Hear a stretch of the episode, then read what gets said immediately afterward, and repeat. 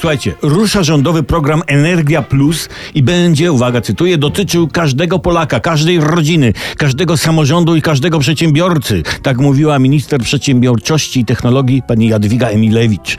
Program bazuje na modelu prosumenckim, tak to się nazywa, czyli takim, w którym korzystający z energii sami ją wytwarzają. Na przykład za pomocą mini elektrowni wodnych. Nadmiar mogliby sprzedawać lub przekazywać do sieci i otrzymywać z tego tytułu, ja wiem, pieniądz albo dwa.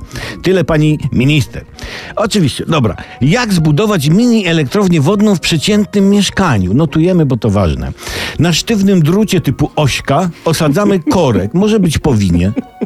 Do osadzonego korka domontowujemy łopatki na drucikach. Tak. Łopatki mogą być z czegoś, albo z czegoś innego, ja wiem, no, stare zapalniczki, blaszki, plastikowe łopateczki do lodów, takie tam. Drucik z łopatkami w korku osadzamy w łożysku.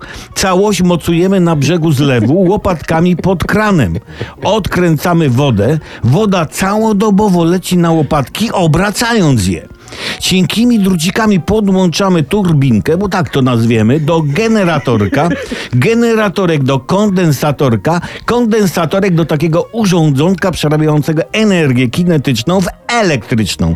Kolejnymi drucikami podłączamy do domowej sieci elektrycznej cały ten system i mamy w domu elektrowienkę wodną. Miłe, oszczędne urządzonko. Nadmiar prądu sprzedajemy sąsiadom, co częściowo pokryje rachunki za wodę.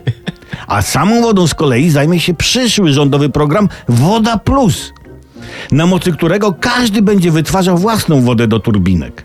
Zatem słuchajcie, kochani, do ekologicznego dzieła przystąp.